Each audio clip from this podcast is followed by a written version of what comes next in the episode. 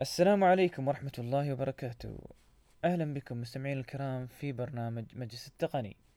معاكم محدثكم بطي بشليبي ومعنا أيضا مقدمنا وحبيبنا المهندس أبو حمد أحمد الزرعوني. أحمد اسمعني. حيا الله حيا الله. حيا الله أحمد. الله وح... يحييك. وحيا الله بمستمعينا الكرام في حلقة جديدة الحلقة الرابعة لهذه هذا الأسبوع. طبعا عندنا أخبار بشكل مفصل وبشكل كبير يعني لأن انقطعنا شوي فترة فسامحونا على الانقطاع هذا البسيط. وأيضا الموضوع المهم في هذه الحلقة بيكون عن أندرويد كيو أو اللي تحول اسمه حاليا إلى أندرويد عشرة. فخلنا بس نعطيكم نبذة سريعة عن الأخبار. عندنا مجموعة من الأخبار في أبل طبعا آه، موعد الإطلاق خلاص آه، مثل ما يقول آه، وص- وصلت آه، الدعوات للناس و... وتقريبا آه، تجلى الموضوع. يعني آه، اتضح إنه في 10 سبتمبر في موعد لإطلاق أجهزة معينة وهو الآيفون. آه، فأصبح حاليا من آه، من ما كان إشاعة من أسبوعين أصبح حاليا حقيقة. فأنت ريح 10 سبتمبر على الأبواب قريبا. وفي بعض الأخبار الثانية أيضا من أبل وخاصة اختراقات على الآيفون. تسمع أبو حمد؟ إيه وياك وياك. اختراقات على الآيفون ها؟ فهذا شيء آخر بعد لازم نشوفه. آه، أيضا برنامج من الصين غريب ولكن بعد آه، مثل ما يقول لك إن الواحد يبدأ يتحمل انه ينشر فيديوهاته هالكم يوم لأن احتمال هذا البرنامج يكون مصدر آه، آه، مثل ما يقولون هاكي آه، شو؟ مصدر قلق للي ينشرون فيديوهاتهم في كل مكان. الشيء الآخر دراسة عن الأندرويد بنتكلم عنها أيضا. شركة آه، شركة في الصين اسمها ديدي وعلى أساس إن عندها خدمة بنتكلم عنها ومواضيع عن أجهزة هواوي الجديدة. ون بلس لهم جهاز جديد أيضا بنتكلم عنه. آه، وأخبار من جوجل آه، في مكاتب العمل وكيفية توفير جهاز كروم بوك فيها. نتكلم بطريقة بشكل مفصل إن شاء الله يوم بنوصل على الخبر. آه، آخر شيء عندنا آه، اختراق حساب آه، مؤسس تويتر أو أحد مؤسسي تويتر. بنتكلم أيضا بالتفصيل عن شو اللي صار معاه. وفي الأخير أندرويد آه، عشرة. بنتكلم عنه بالتفصيل شو الجديد اللي جاي في أي تليفونات و... ومتى يعني أصحاب التليفونات المعينة بيتوقعون أندرويد عشرة بيوصل عندهم التليفونات إن شاء الله. فحلقة حافلة يعني معلومات فيها كثير من المعلومات إن شاء الله و... وبإذن الله بتنفعكم. وإذا في عندكم أي أسئلة ولا شيء نحن حاضرين موجودين على تويتر موجودين على إنستغرام وفي أي وقت في أي حين ما عندنا مشكلة بإذن الله. جزاكم الله خير. أه، أول خبر أه، مثل ما قلنا عن أبل قرب موعد إطلاق الآيفون الجديد. خلاص الشهر الجاي 10 سبتمبر إن شاء الله أه، عندهم مؤتمر وبيطلقون فيه الآيفون لكن الكلام إنه قد يطلقون غير الآيفون بعد. فهذا اللي إحنا ما عندنا خبر أكيد فيه. ف للمحبي آيفون محبي أبل أه، خلوا هذا التاريخ عندكم في هواتفكم آه، في الأجندة عندكم على أساس ما تنسون في 10 سبتمبر بيكون في إطلاق لأجهزة جديدة من آه، خبر ثاني أيضا من أبل. آه، أبل بدأت تسمح لبعض المحلات محلات تصليح الهواتف باقتناع قطع الغيار آه، بشكل رسمي. يعني قبل قبل كان عليك إن أنت كش كشركة لازم تبدأ آه، تمشي في آه، أكثر عن شيء آه، أو أكثر عن آه، شو يسمونه آه، فحوصات من ابل آه، بعض الأشياء لازم تسجل معاها على أساس تكون شركة آه، يعني موثوقة تص- آه، تصلح أجهزة ابل حاليا ابل يعني الظاهر لاحظت إن الموضوع أصبح شوي أكبر عن أكبر عن طاقتها أو اكبر عن طاقة هاي الشركات. وأصبح الموضوع يعني شوي للشركات الثانية الصغيرة اللي تبى تصلح الهواتف صعب جدا. ففتحت المجال حاليا الحين بشكل أسهل. يعني شو ال- بالنسبة أنت كمستخدم عادي أو بالنسبة حتى لأي تقني وهذا بتقدر حاليا الحين تصلح هاتفك المتحرك في أكثر في أماكن أكثر بقطع غيار أصلية. اللي صاير حاليا إن بعض المحلات لأنه ما تقدر توفر هالقطع الغيار الأصلية صاير إن يبون قطع تقليد أو قطع قريبة من جودة آه، جودة ابل طبعا هذا قد يؤدي في المستقبل إن ال- الهاتف نفسه يعني إذا كانت الشاشة مش آه، على جودة ابل بعد فترة تشوف الشاشة يمكن ما تشتغل كجودة ابل أو جو- الجوده اللي أنت تتوقعها. أو بعد آه، يعني بيتطلب عليك إنك تبدله بعد مرة ثانية. فهذا خبر جيد يعني حق اللي عندهم هواتف ابل إنه بيكون عندهم مجال أكبر إن يصل آه، آه، يصلحون التليفونات المعطلانة في أكثر عن محل عن المحلات اللي هي كانت مختارة من أبل أبو حمد أنت هل لك تجربة في تصليح التليفونات أبل والله للأسف آه، تعرف في حكر كالعادة طبعا صار عند أبل مم. أن إذا تبغي أنت تركب شاشة أصلية تبغي تركب بطارية أصلية تبغي تبدل البورد تبغي تسوي أي شيء من هذا القبيل.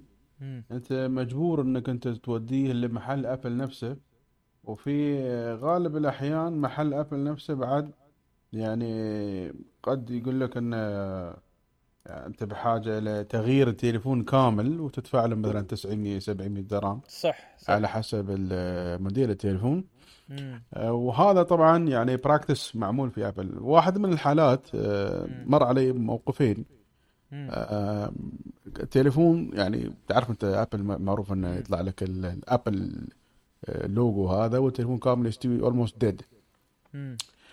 فالناس هذول ودوا تليفوناتهم لأبل وأبل قالت لهم من الآخر إن التليفون هذا خلاص غير صالح. وادفعوا فرقية وخذوا تليفون جديد وخلاص. ف من من ناحية الخبرة اشتغلت على هذين التليفونين بالذات آه، وقدرنا نشغل التليفونات ونطلع كل الملفات اللي فيها ممتاز. ونرد مرة ثانية نحيي التليفون وهو رميم يقول لك.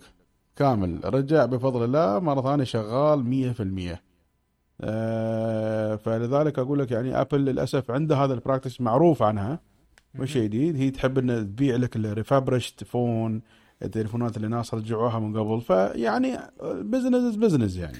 بس هم الحين بدأوا يغيرون هذا الوضع. الحين قبل كانت بس محلاتهم ومحلات بسيطة مخولة بعد ما لأنهم خسرانين بزنس كبير أيوة. خسرانين وايد لأن محلات ال- اللي في الشوارع المحلات في هذا عندها قطع غيار جاهز كامل جاي كله مقلد الحين الحين هذه هاي القطع بتكون موجودة يعني لل- للي يبغى قطع أصلية بس صح. طبعا يعني اللي يعني مثل ما يقول لك بعض المحلات اللي هي تعودت الحين على القطع الثانية هذيجي والناس تعودوا على هيك القطع احتمال حتى يمكن ما يعني من ناحية ال- من ناحية من ناحية Feasibility. تجا- يعني من, من ناحية تجارية حتى لأبل مم. ما تعرف إذا ال... هذا بينفعهم هم كأبل ولا لا بس هو كمستخدم في الأخير طبعا بينفع إنه يحصل قطع قطع أصلية بدل ما والله بينفعهم بينفعهم لأن في محلات تصلح مثل شرف دي جي وغيره. هاي المحلات تصلح وما أعتقد إن هذول عندهم إمكانية إن يوصلون للقطع الأصلية لأن أبل ما تبيع عليهم صح. ومثل اكسيوم ومثل هالمحلات الكبيرة ما بتحط لك شيء يعني تعيس وتعبان بتحط لك أقل. شيء copy اي ف... لكن الحين لما عندهم access هم على الأشياء الأصلية فبالتالي بيكون في توفير يعني. مثل ما نحن نعرف إن الآيفون نفسه ما يوصل تكلفته 900 درهم يعني. آه، صحيح، م- الت- حتى ممكن يوصل 600 درهم بعد على ال number اللي هم يصنعونه. هذا خبر جيد خلينا نشوف إن شاء الله كيف يصير خلال الأشهر الجاية في تصليح الهواتف هذه في المحلات هذه وبنسمع أيضا من آه، ارائنا اللي عندهم تليفونات أبل وهذا وكيف كانت تجربتهم في تصليح تليفوناتهم إن شاء الله هذا بعد طبعا يدلك على أن أبل بدأت الحين تشوف مصادر دخل مغايرة مختلفة وجديدة. فيعني يبين لك إن في يعني هيت جاي قبل على الايفون. إن في ركود لكن في صيانة وايد وفي يعني ماركت هم كبير خسرانينه. فيقول لك أنا ليش اضيعها على نفسي هالفرصة؟ خلينا نحن ندش على هالماركت بعد نطلع من وراه revenues يعني. ف it's good يعني أنا أعتقد إن هذا يعتبر win win لأبل ولل customers وحتى حتى المحلات بعد مستفيدة. يعني ثلاث أشخاص مستفيدين صح. وهذا شيء جيد يعني يعتبر. طيب. يلا ما في مشكلة. آه، وأيضا عندنا خبر من أبل آه، آه، أبل واتش في ميزة جديدة بتنطلق عليها من أبل مش من عن طريق برامج ثانية لأن البرامج الثانية موجودة فيها الميزة بس أبل نفسها حاليا حين تشتغل على ميزة في أن آه، بمثابة أن تتابع سير سير, سير مثلا أداء. لا لا سير نومك إيه أداء كيف؟ نومك أيوه بالضبط جزاك الله خير. فتا... فبتضيف هالميزه بشكل آه يعني آه تابع لل... لل... للساعة نفسها مو عن طريق برنامج ثاني. فما بتحتاج تنزل برنامج ثاني أو تحتاج إلى إن تنزل برنامج عن طريق ال App Store اللي هو في ابل فمن تشتري الساعة بيكون فيها على طول ه... هذه الميزة. طبعا هل هاي الميزة الحين بتنزل في الساعة القادمة هاي اللي ب... قد تنطلق في 10 سبتمبر؟ الله أعلم. لكن الخبر ظاهر إن آبل شغالة حاليا على هاي الميزة. فترقبوا في آه، الساعات الجديدة من آبل إن يكون فيها ميزة متابعة النوم إن شاء الله. وهي صراحة ميزة حق اللي حاب يعرف آه، نمط نومه.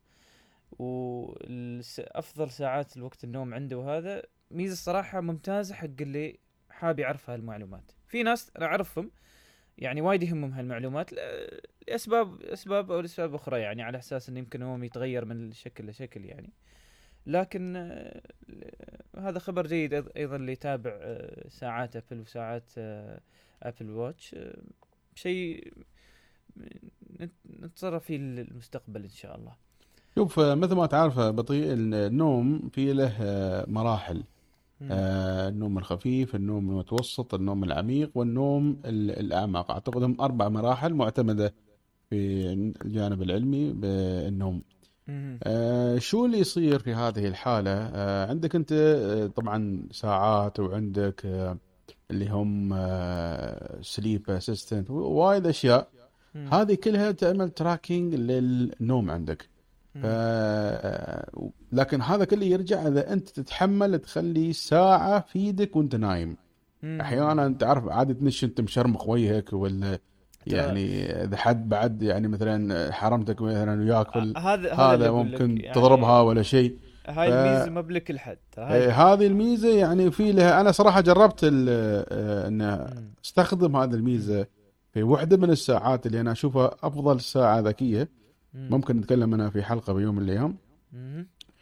آه، اللي لاحظته أن آه، الأكيورسي ماله صراحة وايد عاليه مم. وايد عاليه فعلا يعني يبين لك أنت كم مر يعني أنت شو من فترات النوم كنت أنت في أعمق حالات النوم وشو من فترات ما أدري أنا كيف تم الحسبه لكن أعتقد يشوف عن طريق النبض دقات و- نبضة نبضة نعم النبض و- والحركة هل في حركة ولا لا ويتم والحركة. اكتيفيتد نعم. بس أغلب أغلب هذيل الساعات تشتغل في الليل بس يعني ما تشتغل في النهار وتقوم تحسب ليش؟ لأن ممكن تكون جالس أنت على المكتب فكيف يحسب لك أنت نايم يعني لا لا هو انت أنت الحركة. محسوبة إيه. ففي إيه. يعني الناس اللي يستخدمون هاي الأنواع من الساعات.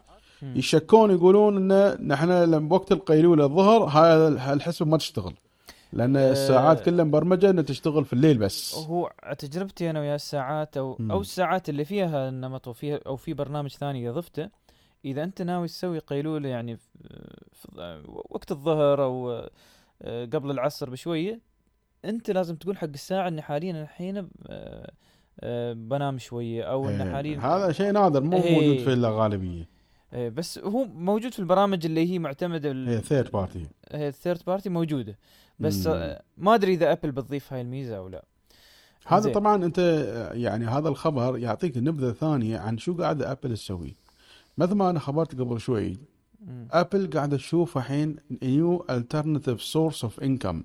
وبعد فوق هذا الشيء new alternative source source of locked in. كيف يعني؟ الحين هذه الميزة ترى موجودة في تطبيقات ثانية. قاموا شو؟ دخلوها في الساعة من عندهم. هم مثلا عندك ميزة التحكم الأبوي هذا ال parental control.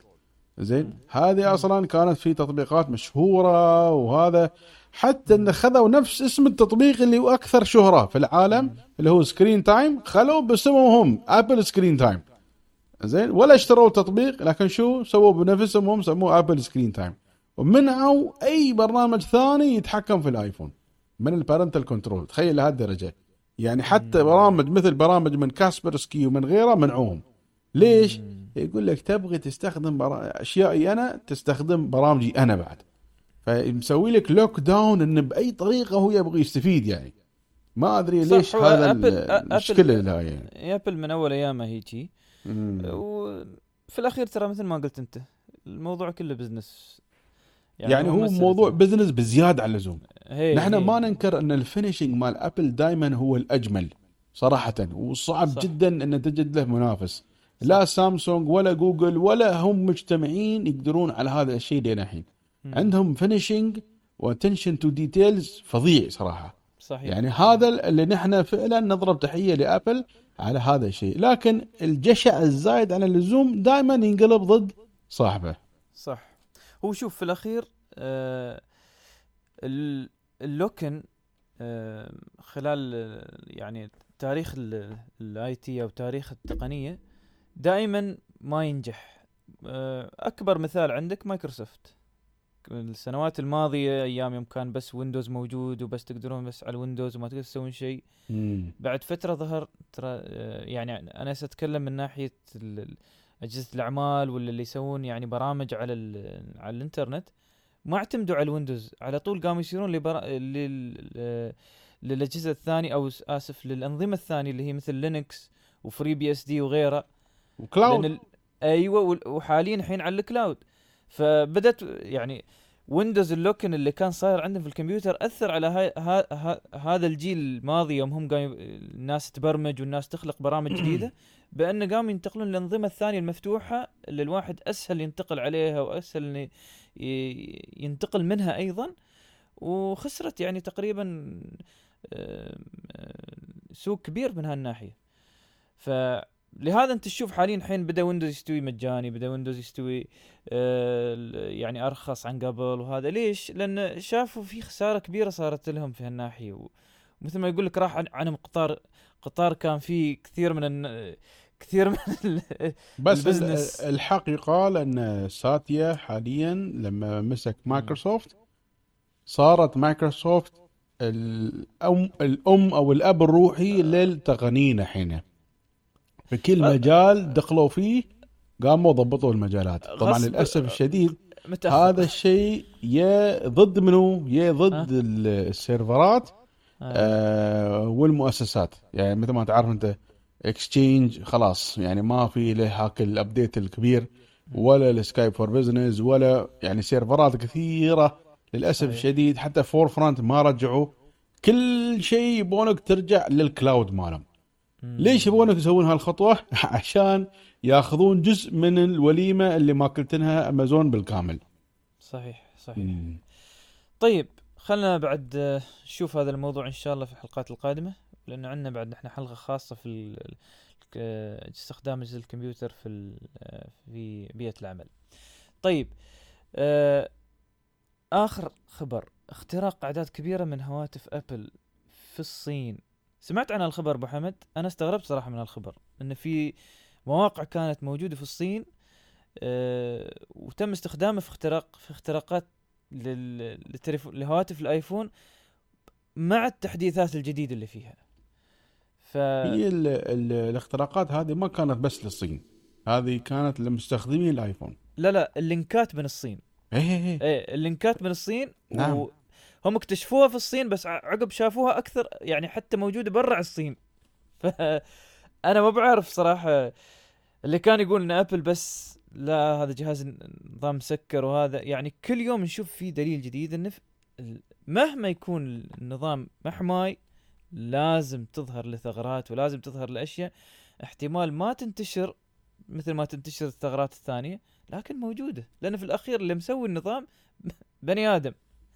والبني آدم دائما خطاء ولا شو رأيك محمد؟ والله شوف آه، مثل ما نحن نعرف أنه. آه، على قولة هذيك اللعبة no system is safe.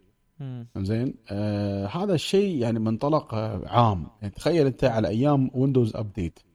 زين آه الأيام ويندوز آه، 98 ويندوز آه، 2000 كان ال update عن طريق الإنترنت عن طريق تدخل الويندوز update ويندوز dot update وكذا هذا ال server الرئيسي اللي هو مسؤول عن حماية الويندوز تم اختراق هذا ال server. تخيل أنت يعني. هذا المكان اللي يسوي لك update المفروض يكون امن مكان عندك في الإنترنت هو اللي استوى له اختراق وينزل لك فيروسات ويسوي لك بلاوي. صح. فما بالك أنت يعني بأي شيء ثاني غير هذا؟ اليوم اللي يقول لك والله الآيفون secured و... ولا وهذا عشان ال security ما ال security هذا الكلام يعني مأكول خيره ليش؟ لأن آه، في النهاية أنت اختيارك للآيفون هو preference هو اختيار. يعني مثل ما واحد يشجع برشلونة والثاني يشجع ريال مدريد هو اختيار في النهاية. مش. سالفة منو أقوى ومنو مو أقوى ومنو هذا. هي preference هي اختيارات. والاختيار لكن- من و- من وين يجيك؟ من الشخص نفسه. من الشخص نفسه لأن استخدامه في. هالناحيه بدأ بهذا الشيء. بس. إيه بدا بهذا الشيء يعني مثلا الحين واحد صيني. زين تقول له تعال تكلم اللغة العربية الفصحى بيقول لك ما أقدر ليش؟ والله أنا اخترت ان أكون صيني عرف؟ يعني هذا اختار طبعا إنه يكون صيني بس.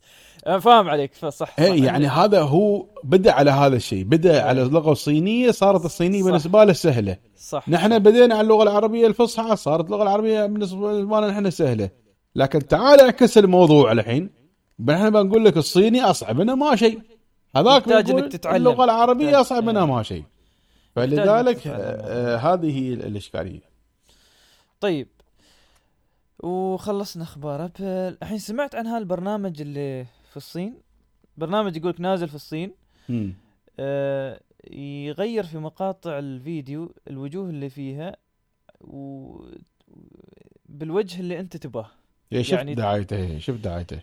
آه أنا الصراحة هو برنامج يعني كبرنامج آه البرنامج اسمه زاو موجود ما أدري إذا أنا ما الصراحة ما جربت إذا حصل عندي الحين في الأندرويد ولا شيء لكن هو موجود برنامج موجود في الصين على هواتف متحركة. الت- البرنامج ك كبعد تقني يعني جاب شيء كان صعب الواحد يقدر يسويه خلال الفترة الماضية وخلاه بمنطلق اليد بشكل سهل إنك تقدر تغير أي فيديو بأي بأي شكل بأي صورة يعني مثلا فيديو في حد يتضارب في شيء في مقطع من الأفلام تقدر تحط صورتك إن أنت جالس تتضارب آه، طبعا من ناحية آه، استخدام ل يعني كواحد يبغى يعني يستخدمه بين ربعه وهذا تمام بس الاستخدام السيء ما له حدود. صراحة ما له حدود ما طبعا حدود، ما البرنامج حدود. يعني أنا بيني وبينك يعني أنا شفت ال- المقاطع اللي فيه ما بهاك الزود يعني يبين على طول إنه البرنامج جالس يعني في في في الفيديو ملعوب فيه. لكن هذا يعطيك انطباع إنه في المستقبل شو يصير.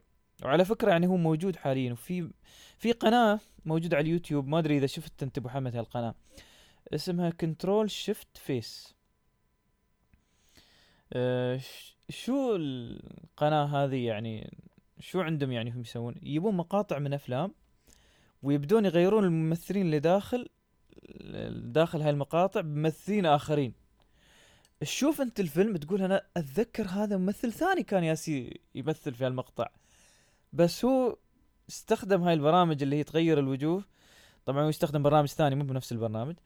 فيستخدم هالبرنامج أو يستخدم هاي الكودات بأن يغير وجه ممثل الأصلي إلى وجه ممثل آخر باستخدام طبعا آه معلومات أو هائل كبير من الصور للممثل هذا الآخر طبعا هذا يعطيك أنت إن هذا يوصلك لمراحل أن في خطورة كبيرة حتى على ال statement الرسمي يعني أيوة. التقارير والتصاريح الرسمية حتى آه، ال- اليوم نحن نشوف في آه، واحدة من أكبر المشاكل والتحديات عندنا في ال social media مم. إن تحصل أنت فيك تويت صحيح. جايبين لك نفس الشخص نفس الساعة نفس الدقيقة نفس الثانية لكن التغريده في النص شيء مختلف أمثال. شفناها نحن على إيه. بعض الناس المشهورين آه،. آه، في يعني تغريدات مكذوبة عليهم آه، وهذا أدى إلى أن في ضجة استوت وليش وكذا وكلام كبير ويعني فما بالك أنت قاعد أحيانا تسوي fabrication و fake news على فيديو. يعني تخيل يجيبوا لك ترامب يغني لك آه، ما اغاني نبيل شعيل شو السالفة يعني؟ ف والله يبان نسوي هالفيديو. هذا أعتقد بيكون one of the most hit video بيكون. زين يعني شوف انت تخيل طبعا على فكرة هذا شيء اشتي 100% ها. تجيب صورته وتحطه وكأنه هو جالس يغني يعني. صح صح. يستوي this is big issue الحين نحن نواجهه في عالم بس التقنية. الحين والمشكلة انه ال authenticity وال accreditation تبع ال ال ال الفيديوز وال والصور وهذا this is a very hard to achieve يعني المشكلة إن الحين هذا صار في آه، متناول يد لأي حد إيه الحين اليهال. بيسوي لك بلاوي الحين الله يستر إيه. فموثوقية هاي الفيديوهات بعد. فترة نعم بتبدأ تشك فيها هل هذا الصدق هو اللي يتكلم هل هذا بطيء ولا مو بطيء؟ هو ترى شوف في الأخير في الأخير شو. بيشتي بيشتي مثل ما ما نحن الحين يوم ندخل المواقع في certificate يظهر إن هذا الموقع هو الموقع الأصلي وما أدري كيف وهذا. والله عادي يكونون الشركات ال certificate هم they funding this صراحة. أتوقع إن الفيديوهات بعد فترة بيصير فيها هذا الموضوع يا ريال. اليوم في ترى digital آه، هذا digital signature على ال videos نعم. digital signature على ال audio على أساس على الفيديو أساس أنت ما تقدر آه، تسرقه وتش- وتشغله وتنزله. إيه صح صح. طيب خلينا نشوف إن شاء الله البرنامج هذا يبغى له. تجربة الصراحة يبغى نجربه وياك أبو حمد بنجربها مال ترامب إيش. إنزين آه، أيضا آه، خبر من الصين شركة ديدي تطلق بشكل تجريبي خدمة التاكسي الآلي من فترة إحنا نسمع في كل دولة من الدول إن مم. عندهم تك... آه، السيارات اللي هي vehicle. سائق autonomous vehicle سائق بدون سائق مم. والسوائق الآلية هذه لكن حاليا الحين هاي الشركة آه، وهاي الشركة على فكرة بس عشان أذكركم اظن هاي الشركة هي نفس اللي بالتعاون مع نون في آه، توصيل الطلبات. نون ولا نون كباب؟ عاد الله أعلم. زين من فترة من أسبوعين تكلمنا عن خبر نون إنهم بينزلون آه، بعد فترة يعني بتوصل أغراضكم عن طريق هاي السيارات اللي هي السيارات الآلية. mini robotics هاي. ما mini robotic سيارة ميني آلية robotics. كاملة. إيه، هذه مثل عربات صغار. automated وتتحرك آه، عن طريق التوجيه الآلي آه، هم هم بينزلون سيارة كاملة هالمرة ما بالسيارة الصغيرة هذه اللي مثل. أمازون زي سيارة كاملة فالظاهر نفس الت... هي نفس التقنية اللي اشترتها نون الحين بدأوا يستخدمونها في التكاسي عندهم هناك في الصين طبعا أنا ما أدري إذا مر عليك مرت عليك سيارة بهاي الشكل بتركب أبو حمد والله بركب أنا شو المشكلة؟ يعني ما عندك أهم شيء عليك الخوذة وال ترى هاي تسلح. بالكامل كذي كأنك بدش الحين تلعب هوكي. مم. بس بس يقول لك ترى بعض السيارات المبدئية بتكون فيها يعني آه، بيكون فيها شخص إنه يتابع سير السيارة كيف يشتغل لأن حاليا فترة تجريبية. بس آه، المستقبل الصرا- الصراحة لسواقين التاكسي الله يعينهم يعني. شوف آه، أنا بقول لك شيء آه، يعني autonomous vehicle مم. وصلت لمراحل متقدمة جدا صح متقدمة جدا وتعرف يعني واحد من أساسيات ال autonomous vehicle يكون الشارع مهيئ لهذا الشيء يعني الشارع ما يكون فيه منحدرات خطيرة. يبغى إنسان يتصرف فيها. آه، أمر آخر لازم الشارع يكون مخطط صح على على الأرض يعني يكون في اللاينز تكون واضحة بحيث إن الكمبيوتر يقدر يقراها وبعدين عندك انت في سيارة لازم تنشال من السي... من الشوارع لأن هذه السيارة لو شمتي من كمبيوترات ما بتفهم على هاي السيارة كيف تتحرك. اي والله إي هذا والله. اللقزز اللي الناس طايحة فيه لو بدنا فيه من 2006 2006 هذا اللقزز إذا شفته في الشارع أنا أعتقد جوجل بتستقيل من الخدمة. إي نعم يعني خلاص. unpredicted بيقول لك على طول system error بيوقف على اليم. الله المستعان. زين الحين تتذكر إحنا من أسبوعين تكلمنا عن هواوي Mate X إن إيه. وقفوه. آه Mate الظاهر Pro Mate X Mate X اللي هو ال folding. إيه إنزين. فيقول لك الحين استخدموا نفس التاريخ أو التاريخ قريب منه في إطلاق Mate 30 Pro. فمحبين Mate Pro أو Mate 30 Pro أو Mate 20 Pro اللي هو مثل أبو حمد جزاه الله خير يعني هو يا سلام. Mate 20 Pro. آه حط تاريخ 19 9 في بالك بي بيطلقون آه بإذن الله Mate 30 Pro. لكن في إشكالية واحدة إشكالية انه ما بتحصل برامج جوجل عليها من أول يوم. يعني يا إما تنتظر يا إما أنت كتقني تعرف تنزل برامج جوجل وتنزلها عليها بيشتغل مثل أي تليفون صيني ثاني. فاللي حط في باله يشتري Mate 30 Pro آه يحط في باله إنه ما بيحصل برامج جوجل من أول يوم. لازم آه يتبع آه لكن هذا لكن هذا مم. احتمال يعني حتى هواوي لين الحين ما أكدت على هالخبر. لا لا كان- جوجل كان جوجل في- جوجل أكدت. جوجل خلاص أكدت قالت لي بس هل هالكلام ينطبق على السوق الأمريكي فقط ولا على العالم كله؟ على العالم آه. على العالم كله. أكدت إن على العالم كله ما بننزل جوجل. أنا على فكرة يعني مهما يكون التليفون ممتاز مم. وإذا كان هواوي Mate 20 Pro بهذا الامتياز وهذا ال- هذه الجدارة. ال Mate 30 Pro آه، راح يكون طبعا أفضل منه إن شاء الله مم. لكن بدون خدمات جوجل من أول ما تشتريه يعني أقول لك إياها بالنسبة للمستخدم العادي بيكون عبارة عن تحدي كبير جدا إلا إذا هواوي حصلت workaround بطريقة أو بأخرى انه في زر واحد تهوس عليه وخلاص ينزل عندك جوجل. طبعا أنت بكل سهولة تروح تنزل جوجل سواء كنت أنت واحد محترف ولا واحد هاوي ولا حتى ما يخصك بالسالفة. العملية سهلة ترى بس عبارة عن لينكات تنزلها واحد ورا الثاني تقريبا ثلاث برامج تنزلهم وتركبهم عندك وخلاص يكون عندك كل برامج جوجل مرة ثانية تشتغل. أهم برنامج طبعا أنت محتاجنه اللي هو Google Play Services. وبعدين فوق هذا بيكون محتاج Play إلى Google Play Store لكن راح تفقد أشياء كثيرة جدا آه، من ضمنها اللي هو يعني البرامج الأساسية ال main component اللي في الأندرويد اللي هي عندك أنت text to speech من جوجل وعندك ال AR Core ما بيكون موجود. وايد أشياء راح تفقدها. هذه يمكن تروم بتنزلها بعضها تقدر تنزلها من ال Play Store وبعض الآخر يعني بتكون خلاص ما تقدر تنزلها. هو شوف آه، خلينا نشوف. أنا أنا بالنسبة لي ابو حمد.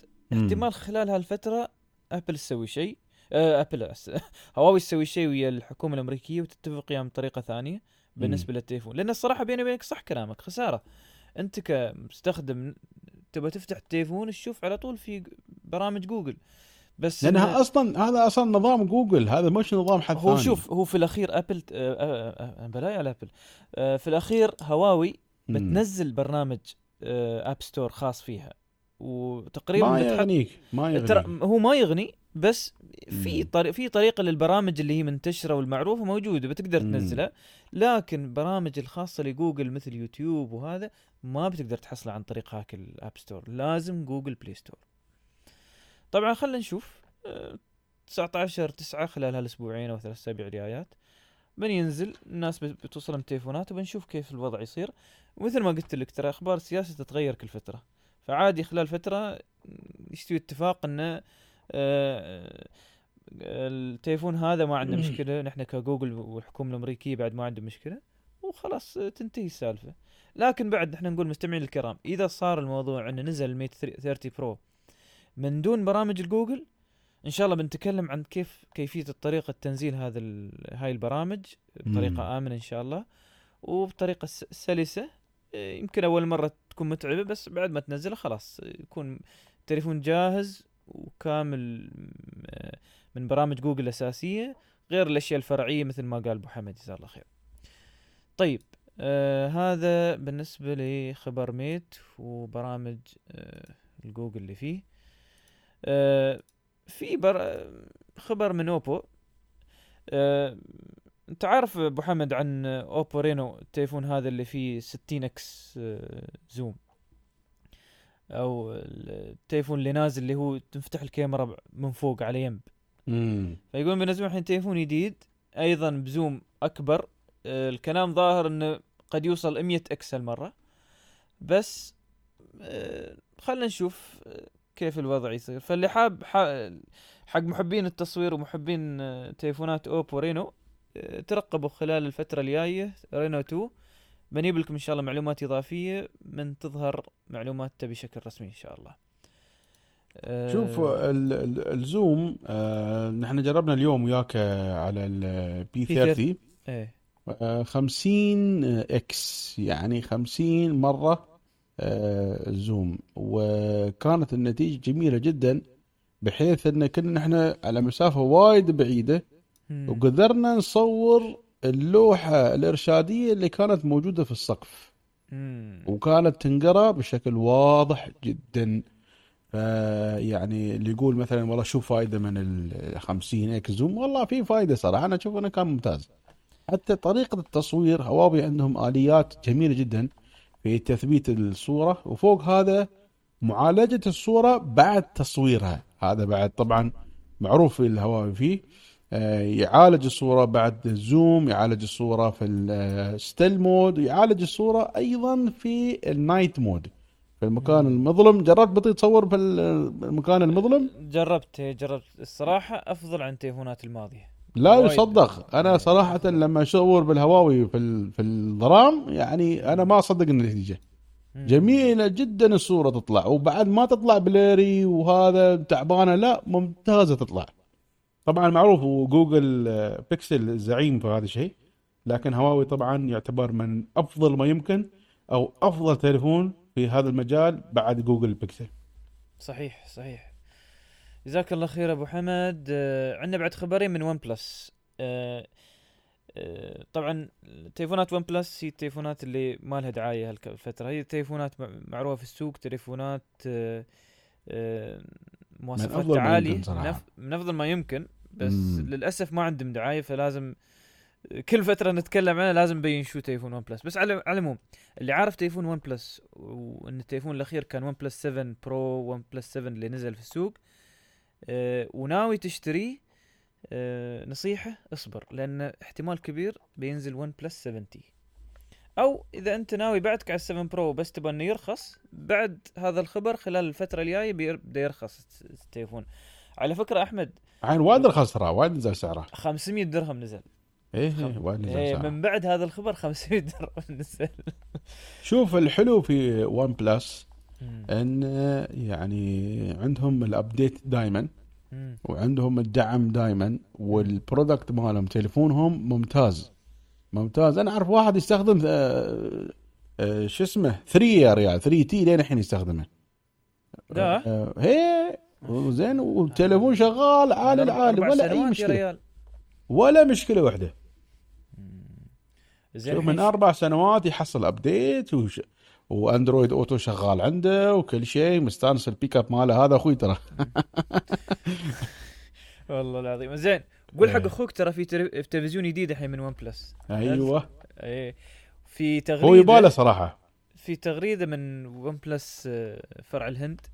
آه، ما شاء الله الهند عندهم OnePlus بعد إيه امبيار كريقه زين ففي تغريدة آه، نازلة إن قريبا بينزلون تلفزيون من OnePlus.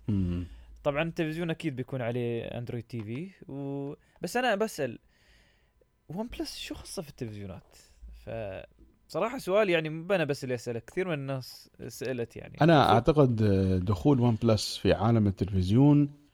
له أثر في كيف هم خلوا الأندرويد يطلع جميل جدا على التليفون. آه يعني OnePlus وراها قصة طويلة جدا. لكن story. short. story short هم نسختهم نسخة الأندرويد مالهم وايد حلوة. صحيح. وايد حلوة. simple very simple لكن شو؟ عندهم details و touches جميل جدا وجوجل تتعلم منهم بشكل كبير على فكرة. هذا ال Android Q أنا أتحدى إذا جوجل ما تعلمت من من من OnePlus وايد أشياء اخذها من OnePlus. من وراء آه آه هذا فيقول لك أصلا حتى من ضمن الخبر اللي تم تسريبه آه، بخصوص التلفزيون كان في شغل جامد وكبير جدا بين مهندسي OnePlus وبين مهندسي جوجل في ال Android TV آه. يعني اللي شو اللي بيروح يستوي Android TV اللي موجود الحين في ال Mi Box وفي ال other Android TVs من سوني ومن غيره. نسختهم بتكون مختلفة عن النسخة اللي راح تنزلها OnePlus وبتكون يعني هذه هذه الشراكة الجديدة بينهم راح يرفع من كفاءة وأداء Android TV إلى مرحلة متقدمة. وهذا الشيء يعني ترى على فكرة Android TV أنا في اعتقادي جميل جدا ومن أفضل ما يمكن. وذكرنا ألف مرة أن إيه. أفضل جهاز تشتريه هو مال شاومي. ما Mi Box S. هذا تقريبا من أفضل جهاز لكن للأسف يعني شاومي شوية يعني مستبخلة في ال specification شوية. لو يعطونا 100 درهم زيادة ويعطونك مثل ما تقول S Plus ولا SWD 40 بحيث إنه يكون. أداء شوية أسرع. يا ريال المشكلة انه في أجهزة ثانية من شركات غير معروفة يعني منزلين عليهم اندرويد 9 وهذا. عليهم يعني مواصفات صراحة تقول يعني هذا مواصفات كمبيوتر أو والله أقول لك هذا قوي. لا لا هذه الأجهزة هاي كلها فيك. كلها فيك. أنا اخذت مج... اخذت مجموعة منهم تعرف؟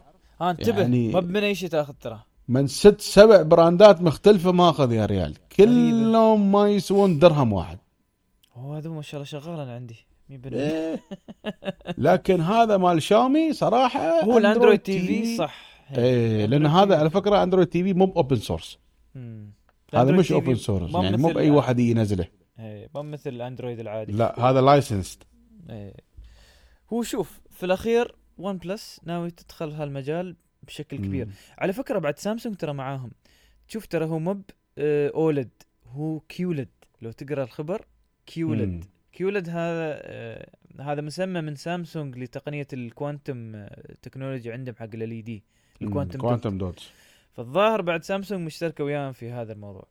لا هم يشترون ال panel ترى ال panel تروم تشتري أي شركة تروم تشتري panel بس باكر ما نحصلنا إحنا بطي TV هم ما أخذوا panel العادي خذوا panel اللي بس سامسونج تبيعه في اجهزتها. وأظني في جهاز ثاني بعد ألماني يستخدمون نفس ال QLED اللي من آه، من سامسونج. بس على العموم خلي من. تظهر الأخبار إن شاء الله بشكل رسمي بدنا نتكلم. هو آسف الخبر ظاهر من عندهم بشكل رسمي بس من آه، دولة واحدة بس من تظهر أخبار زيادة عن شو نوعية الجهاز وشو فيه شو ما فيه هذا أعتقد حاليا بس. موجود منه حجم واحد 55 إنش يقول لك إن شاء الله- 75 بينزلونه في أمريكا مم. إن شاء الله يكون عاد سعره زين هذا الكلام هذا الكلام آه، إذا سعره غالي يا أخوي سامسونج تلفزيوناتهم وايد أحسن وأرخص وفيها شاهد وفيها كل شيء منه وفيه. وبعد النسخة الجديدة من التلفزيونات هذه مال سامسونج. ب 1900 درهم 1999 مم. يقول لك في Apple TV built-in أوف. هي Apple TV built-in وفي Android TV built-in طبعا هم مغيرين على ال skin ماله. وفيه شاهد وفي نتفلكس built-in وفي يوتيوب built-in كل شيء فيه. يبانا نشوفه الصراحة. هي 1999 درهم موجود في امازون وموجود في النون اللي هو آه. آه آخر موديل؟ موديل 2019 أيوه. إيه بالاحجام 2019 كل الأحجام مو- في كل الأحجام تحصله كل الأحجام موجودة كل الأحجام. زين. عندهم 55 إنش هذا ب 2000 درهم وعندهم 2400 درهم آه 5 58 إنش وأنت طالع يعني. إنزين آه مايكروسوفت آه إعلانها عن HoloLens 2 وإطلاقه في أي تاريخ أنا عاد التواريخ مشكله ما احفظها آه HoloLens بيكون إطلاق إن شاء الله في سبتمبر أيضا. كل شيء في سبتمبر ها- هاي السنة. آه للي ما يعرف شو HoloLens HoloLens هي نظارة آه نظارة مايكروسوفت للواقع المعزز. وشو الواقع المعزز؟ بشكل بسيط هي تقنية بأن الواقع اللي أنت تشوفه قدامك يضاف عليه بشكل آلي بشكل آه إلكتروني أو بشكل آه آه، يعني لنقول آه، صور يعني تضاف على الواقع اللي أنت تشوفه ب- بانه يعطيك معلومات إضافية آه، يعطيك آه، آه، إحساس بأن في شيء معاك في نفس الوقت آه، كانوا من فترة حتى يسوون عليه في جايتكس العام الماضي إنه تقدر تتصل مع شخص آخر وتشوفه قدامك عن طريق هاي النظارة. فهاي استخدامات النظارات الواقع المعزز. فمايكروسوفت HoloLens 2 الجديد بيتم اطلاقه خلال سبتمبر. طبعا بيكون أسهل إنك تشتريه لكن للأسف بعد سعره غالي. يعني سعره بصراحه 10000 درهم ما أعرف يعني شو بتشتري أنت بالضبط. بس هو هو في الأخير يعني تقنية جديدة ودائما التقنية الجديدة دائما تكون غاليه جدا. بس مع الوقت إن شاء الله بتبدأ ترخص. وأتوقع يعني بعد فترة بنشوف HoloLens 3 و4 بيكون بسعر ارخص فاللي حاب يجرب هذا الموضوع أو حاب يشوف هالموضوع في تجارته أو في فكرته دوروا عن موضوع HoloLens 2 أبو حمد جربت أنت HoloLens والله صراحة كان ودي أنا أجرب ال HoloLens لكن أنا شفت ال- ال- المؤتمر ماله ولما طلعوه وشو كان التفاصيل ماله. ال HoloLens هذا من أفضل ما يمكن. تعرف ليش؟ آه في عنده منظومة ال awareness يعني مم. يعرف بالضبط أنت شو حوالينك من أشياء امم وتعملها placement شو يعني مم. تعملها placement يعني مثلا تدخل أنت في غرفة فاضية تذكر أيام عدنان ولينا؟ نفس مم. الغرفة بالضبط. تدخل غرفة عدنان ولينا غرفة فاضية ما فيها ولا شيء. تحط هني تلفزيون 90 إنش.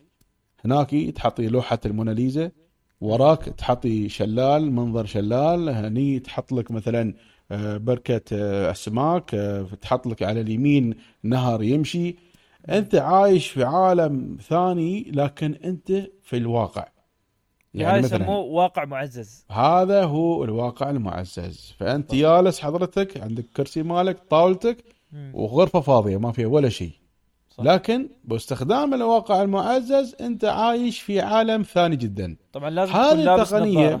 ممكن هي طبعا نظارة إيه. هذه التقنية ممكن تستخدم لاناس كثيرين يعني واحد مريض ما يريد يتحرك ممكن حطي له هذا واحد مسجون مثلا ممكن حطي له هذا واحد مثلا ما أدري شو يعني حتى الشخص اللي يبغى يرجع البيت يرتاح يقعد ما يبغى يسوي أي شيء ثاني جاي من دوام تعبان يلبس ال HoloLens هذا ويعيش كأنه هو جالس في زيلامسي ولا في أوزنجول ولا في أي مكان كذي جالس نهار وفواكه حوالينا وطيور ودنيا وخضروات. يعني يستانس تعرف؟ إيه. هذا استخدام ال entertainment في هذا ال HoloLens لكن في استخدامات ثانية استخدامات عسكرية استخدامات طبية استخدامات استخدام- مدنية استخدامات هندسية حتى في المصانع. مثلا أنت الحين جالس في المصنع في ال control center. بدل ما تركب شاشات فعلية قدامك تركب HoloLens.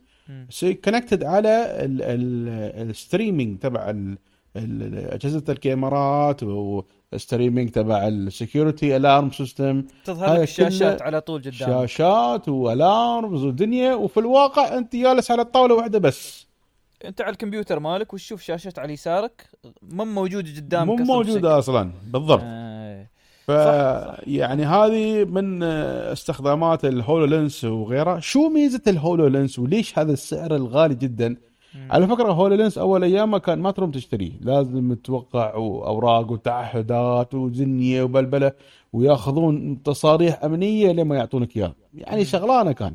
الحين بدأ هذا الشيء يستوى شيء تافه يعني.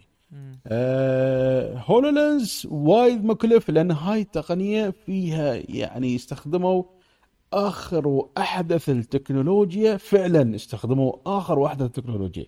يعني مش هنا شيء موجود عندهم من زمان في ال R and D وقاعدين آه، كذي يلعبون. لا. استخدموا تقنيات حديثة جدا ومايكروسوفت استثمرت فيه من زمان وهي تستثمر في هذا الشيء. آه لكن طبعا إحنا نقدر نقول إن أول من بدأ في هذا العالم وكان شيء ناجح اللي هو Google Glass لهذا. السبب أنا دائما ألبس ال Google Glass. آه في الصورة طبعا الحين أنا ما ألبسها. ال Google Glass هو من بدأ بهذا الشيء وكان فعلا هذا الشيء أنا كنت متوقع 100% إن هذا الشيء راح ينقل بني البشر إلى إلى مرحلة جديدة من التعامل مع المعلومات طيب طبعا مثل ما قلت أنت الجهاز فيه كثير من السنسرات فيه كثير من ال ال آه، الأجهزة الأجهزة اللي تساعدك في الواقع المعزز ومن غير ذلك إنه هو وايرلس لهذا غالي. وأيضا مثل ما قبل كنت تكلمت حتى من الاستخدامات اللي أنا أشوفها آه، جيدة جدا استخدام الاتصال بأنك تشوف الطرف الثاني وأنت جالس تكلمه. فتشوف مثلا أنت داخل غرفة اجتماعات آه، ما تشوف حد بس من تلبس النظارة تشوفهم كلهم جالسين وياك في نفس الغرفة.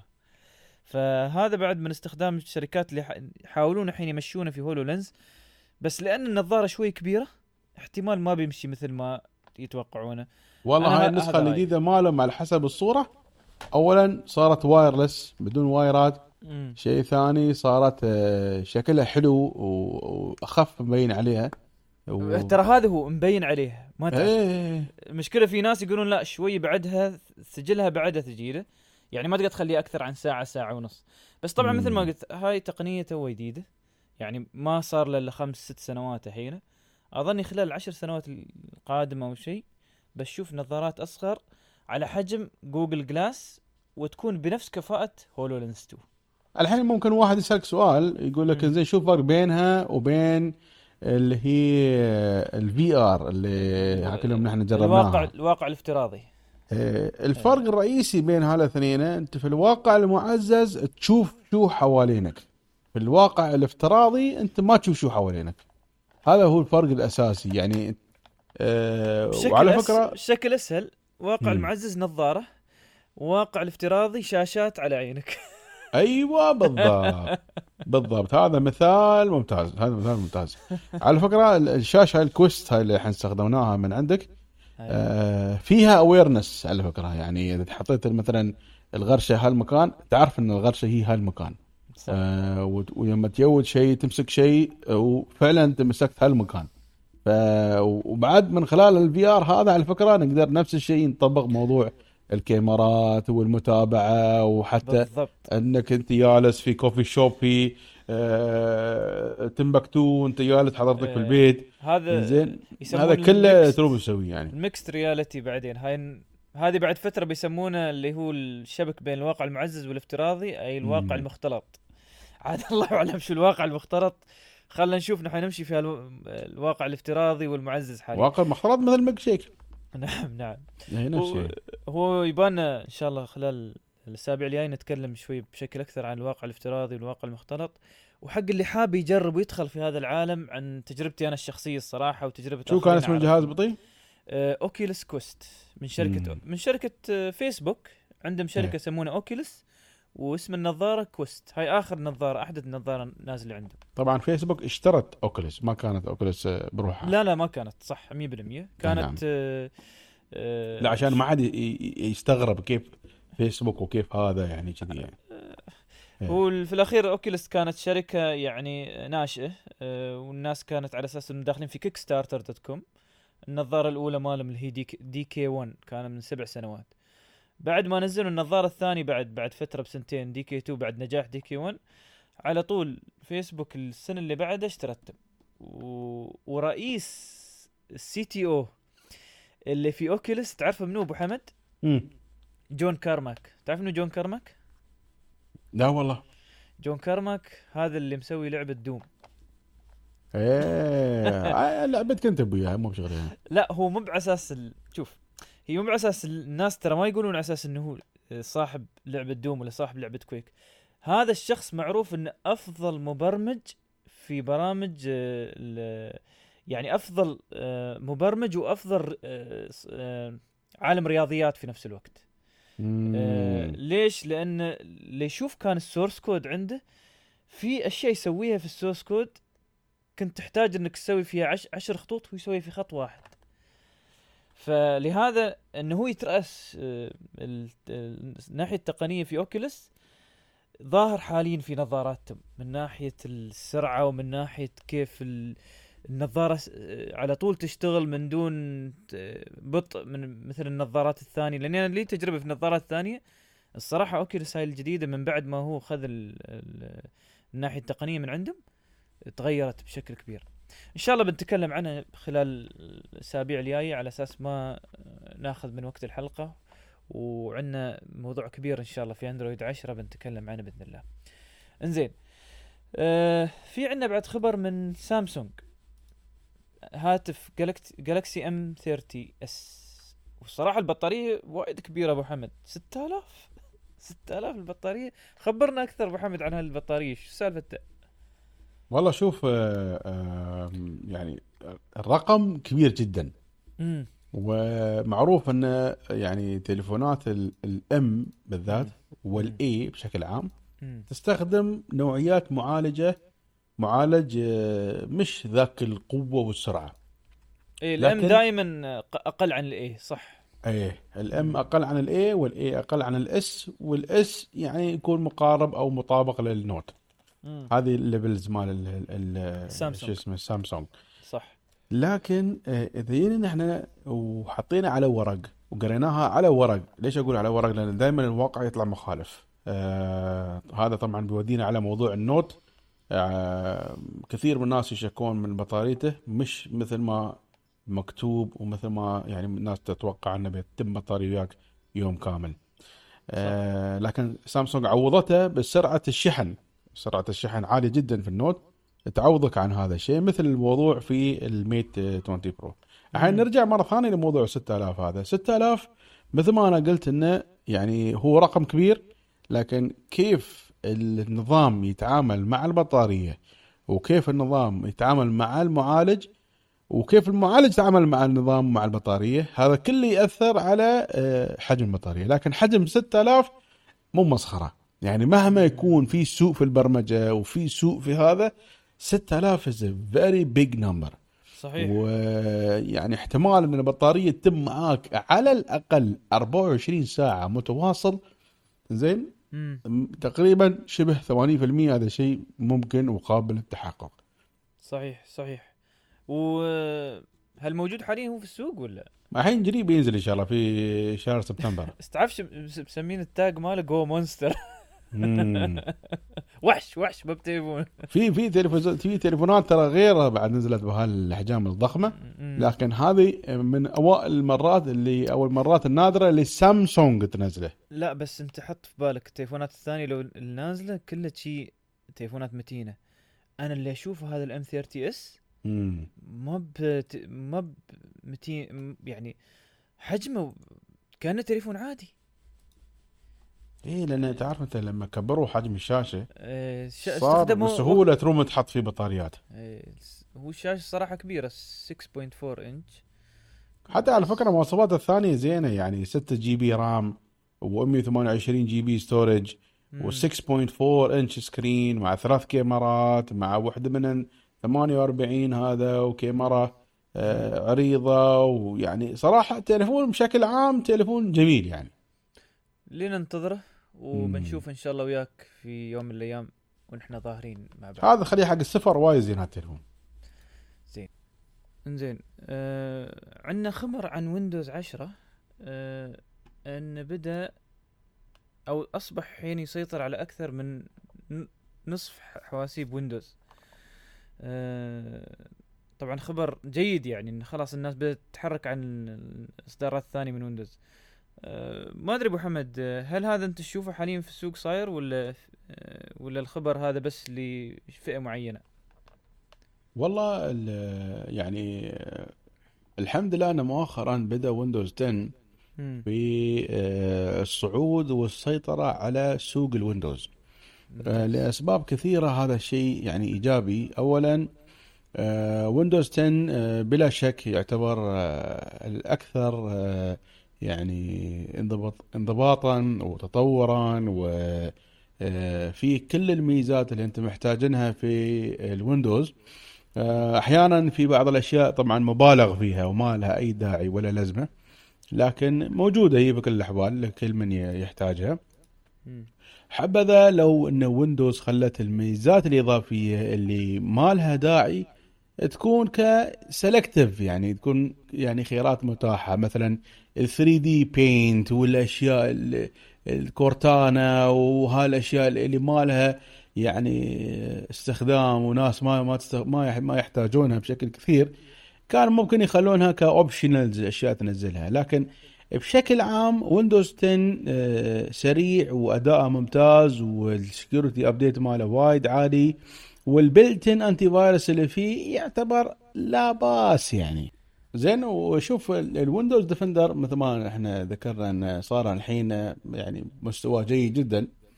لكن ينقصه أمور كثيرة اللي هي الشركات الثانية قامت تركز عليه. آه مثل ما تقول الليد لل ransomware ما كان في الويندوز Defender صح. آه الليد في مثل ما تقول software updates آه بعد مو موجود في في ال Defender. في آه أشياء additional في ال privacy أشياء additional في أمور ثانية. هذه أشياء مو موجودة في ويندوز ليش أنا أقول ويندوز Defender لأن ويندوز Defender يعني ضعيف في الويندوز 7 آه فأنت بحاجة إلى أنك يعني تترقى ترقي الويندوز مالك إلى ويندوز 10 وحتى أظني الحين سعره سعره صار وايد رخيص يعني مو بهذا وعلى آخر نسخ صار ويندوز أصلا يجي مع ال Office 365 مم. فأنت بسعر واحد تحصل ويندوز و fully updated وتحصل Office و fully updated وفي features مو موجودة في ال Office العادي. وفوق هذا بعد تحصل على cloud Office و cloud storage ب 1 تيرا بايت طالع. زين زين ممتاز ممتاز. فنصيحة لأي واحد بعد يستخدم ويندوز 7 آه، أفضل لك وأف... وأحسن لك أن تنتقل لويندوز 10 على أساس آه، يكون عندك هذا ال- الجيل من ويندوز Defender.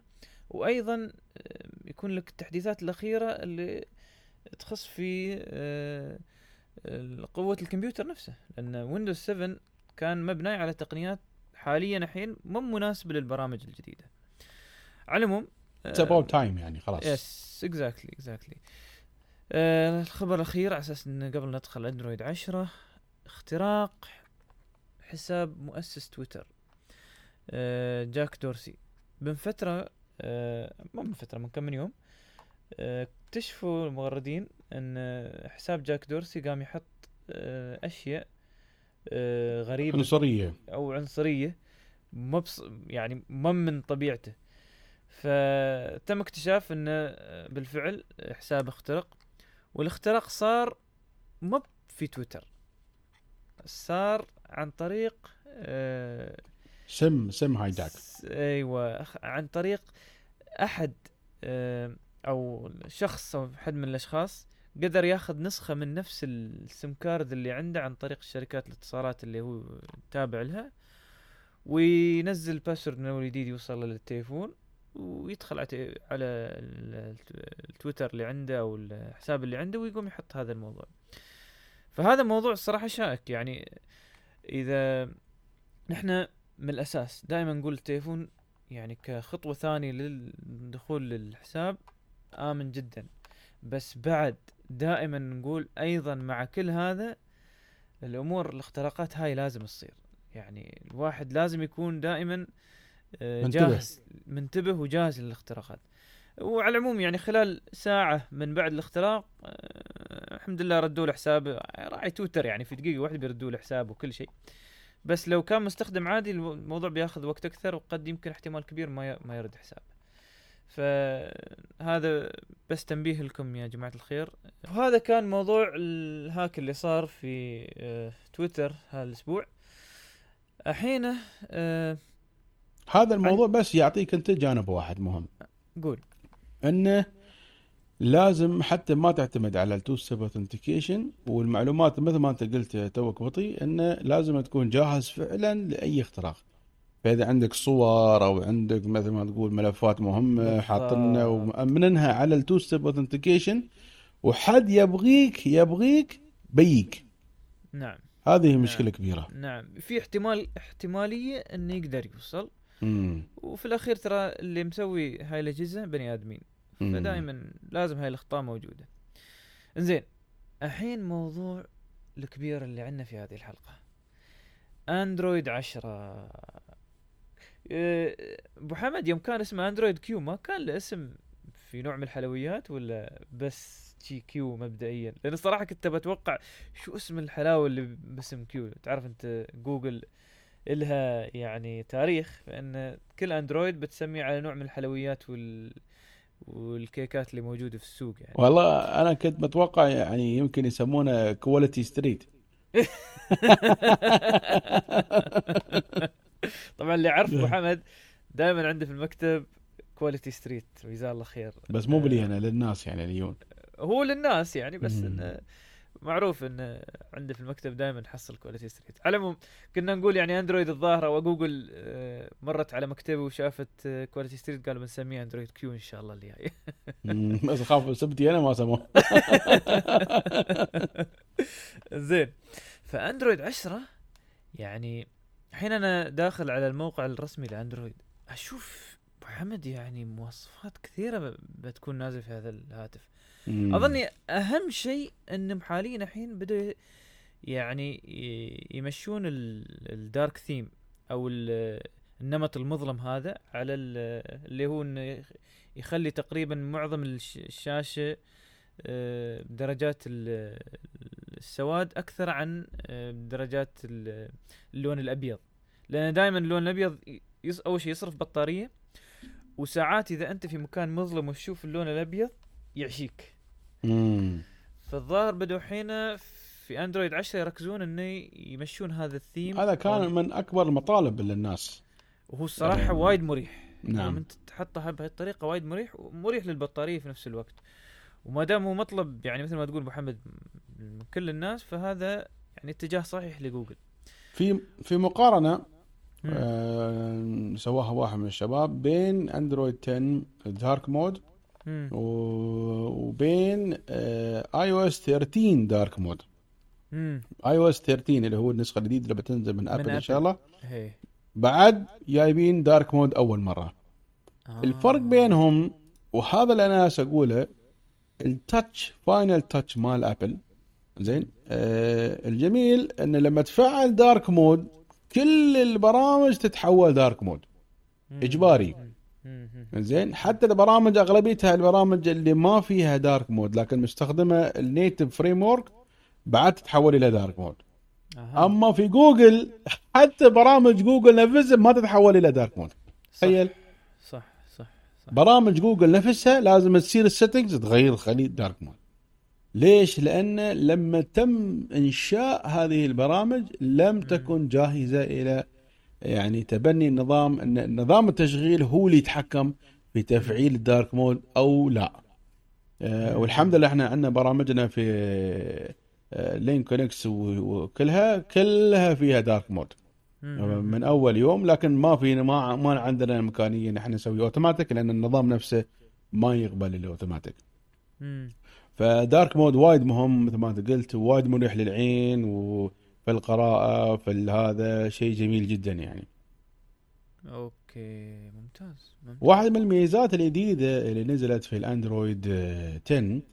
آه، طبعا أول شيء نبغى نلفت نظر الجماعه انه تم تغيير آه، اسم أندرويد إلى اندرويد 10 مم. وتم تغيير شعار الأندرويد الآن مكتوب أندرويد بشكل آه، أجمل. وضافوا له راس الأندرويد. الأندرويد هو عبارة عن رجل آلي. آه، هذا معنات أندرويد رجل آلي كذي. طيب. زين فضايفين هم رجل الآلي هذا. عند الأندرويد صار هذا هو الشعار. يعني صار جزء لا يتجزأ من الشعار ولا ي... و... يعني ما يستوي يكون مكان وهذا الشعار ما موجود فيه. فهمت علي؟ مم. التليفونات اللي بتنزل كلها عليها الشعار. اللي الأشياء اللي بتنباع عليها أندرويد بتكون كلها بهذا الشعار. خلاص صار في عندهم اهتمام آه، ووعي في إنه لازم يكون في ايدنتيتي للأندرويد وما يكون يعني كذي الدنيا سايبة وكل واحد كاتب أندرويد على كيفه والطريقة اللي يباها. صار الحين أضبط الموضوع. آه، من المزايا الم- الجميلة جدا اللي نزلت في الأندرويد آه، 10 مم. اللي شيء يسمونه live caption live caption هذا شو معناته؟ هذا ينفع حق اللي يسمعون البودكاست مالنا. صح. ساعات إحنا نرمس بالإنجليزي بشكل تلقائي لا اراديا. تعودنا على هذا الشيء عرفت علي؟ صح. آه، ف- فتشغل انت ال live caption هذا. لما نحن نرمس بالإنجليزي أو انت تشغل فيديو في إنجليزي أو إن شاء الله صيني أو كوري أو سيلاني زين أو إن شاء الله. أو حتى لما تكلم واحد على سكايب live. زين؟ وأنت مفعل نظام ال live caption ال live caption يقوم يسمع أنت شو قاعد تسمع؟ ويترجم لك إياها فورا. كأنك مشغل آه subtitle اللي هو ال- الترجمة الفورية في هذه المحادثة أو في هذا الفيديو أو في هذا المقطع أو في هذا البودكاست اللي هو بودكاست المجلس التقني. ممتاز ممتاز. إذا هذا من خل- أجمل الأشياء الموجودة خل فيه خل من ينزل إن شاء الله أندرويد 10 خلال الأشهر الجاية. نزل نبدأ- اليوم خلاص. لا لا من ينزل للتليفونات إن جميع التليفونات فيها أندرويد 10 70 80% موجودين في السوق إن شاء الله خلال الأشهر الجاية. بنبدأ نتكلم بلغات ثانية في المجلس التقني. شو رأيك؟ إيه، زين بنرمس بالصومالي سواحيلي. زين. آه، بعدين في عندنا ميزة ال smart آه، reply أيوه. reply من هذا. آه، smart reply يجيك أنت مثلا message يقول لك في عنوان أو شيء فيقوم التليفون نفسه يفهم أن هذا في address. فيجيب لك ال ال ال من ال من ال notification نفسه في link لل Google Maps. يعطيك. يعني رابط للجوجل للخرائط لل- على طول. الخرائط على طول. والشيء الثاني آه، مثلا يجي لك أنت SMS وتبغي ترد عليه بسرعة بدون ما تكتب ولا شيء تطرش له ال thumb up. اللي هو الإبهام هذا شيء يعني إنه okay يعني خلاص. علامة ال okay اللي هي إيه علامة. ال okay هذا يعني done deal كذي يعني. طيب طيب. فهذا يسمونه smart reply هذه ميزة زينة يعني.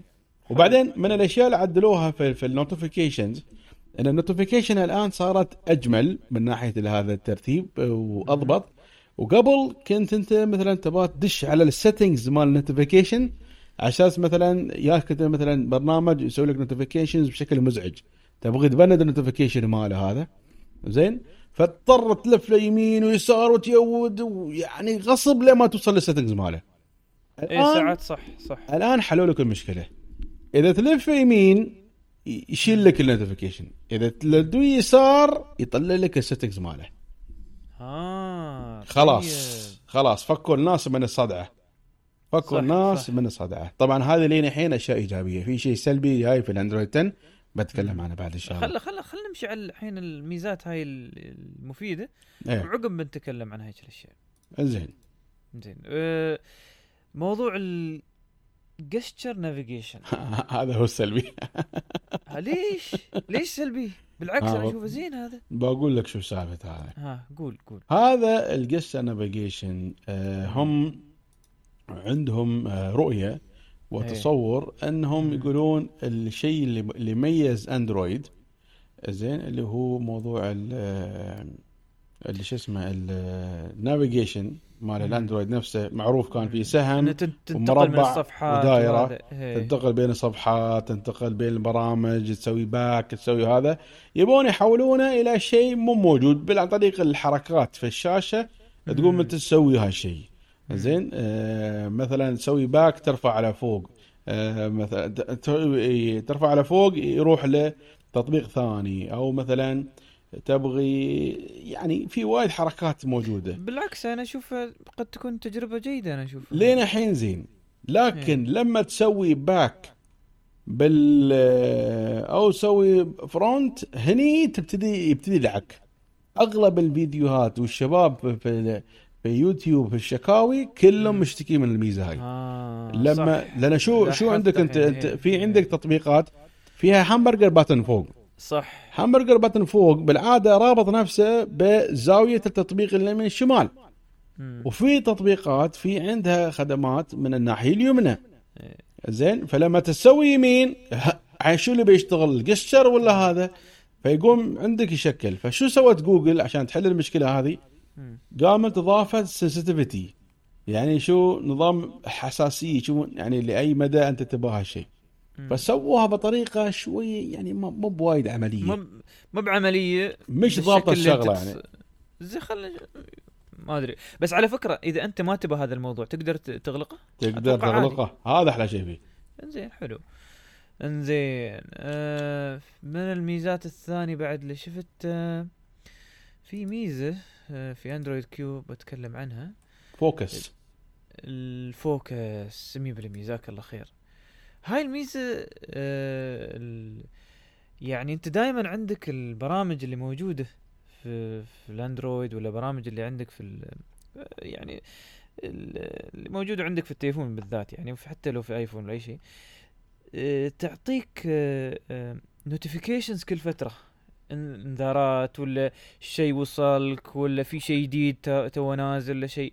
وساعات تبغى أنت تستخدم التليفون تركز في شيء معين. تشغل ال focus mode وتقول لأي برامج يبدأ يغلقهن يغلق هذه الانذارات أو أو, أو ال notifications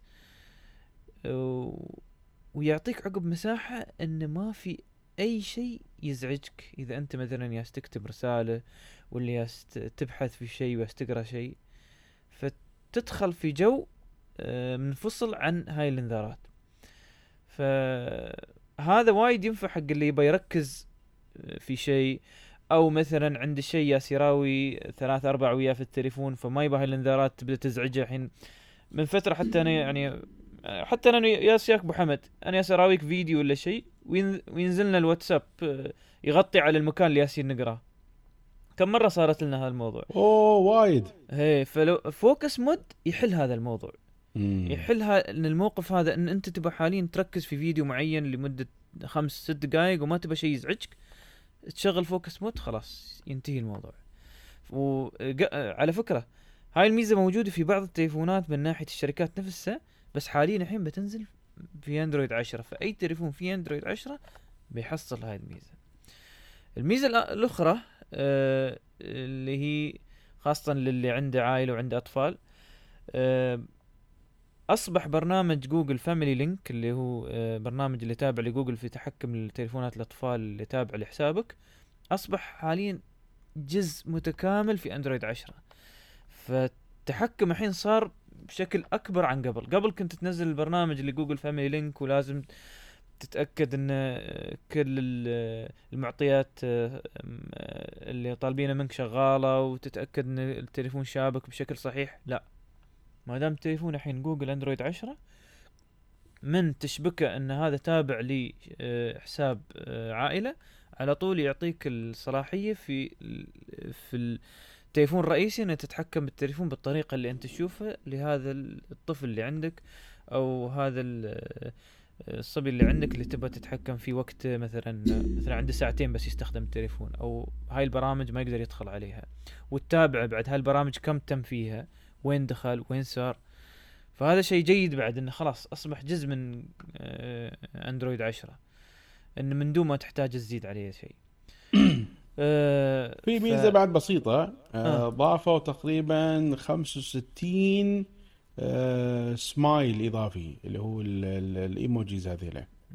65 سمايل إضافي من ضمنهم آه قندس وأصحاب الهمم ضايفينهم وضايفين آه واحد ضرير مثلا ما يشوف وضايفين آه فواكه زيادة آه ما أدري شو خرابيط وايد أشياء شي ضايفينها يعني. آه كم من حيوان زيادة شي مجموعة.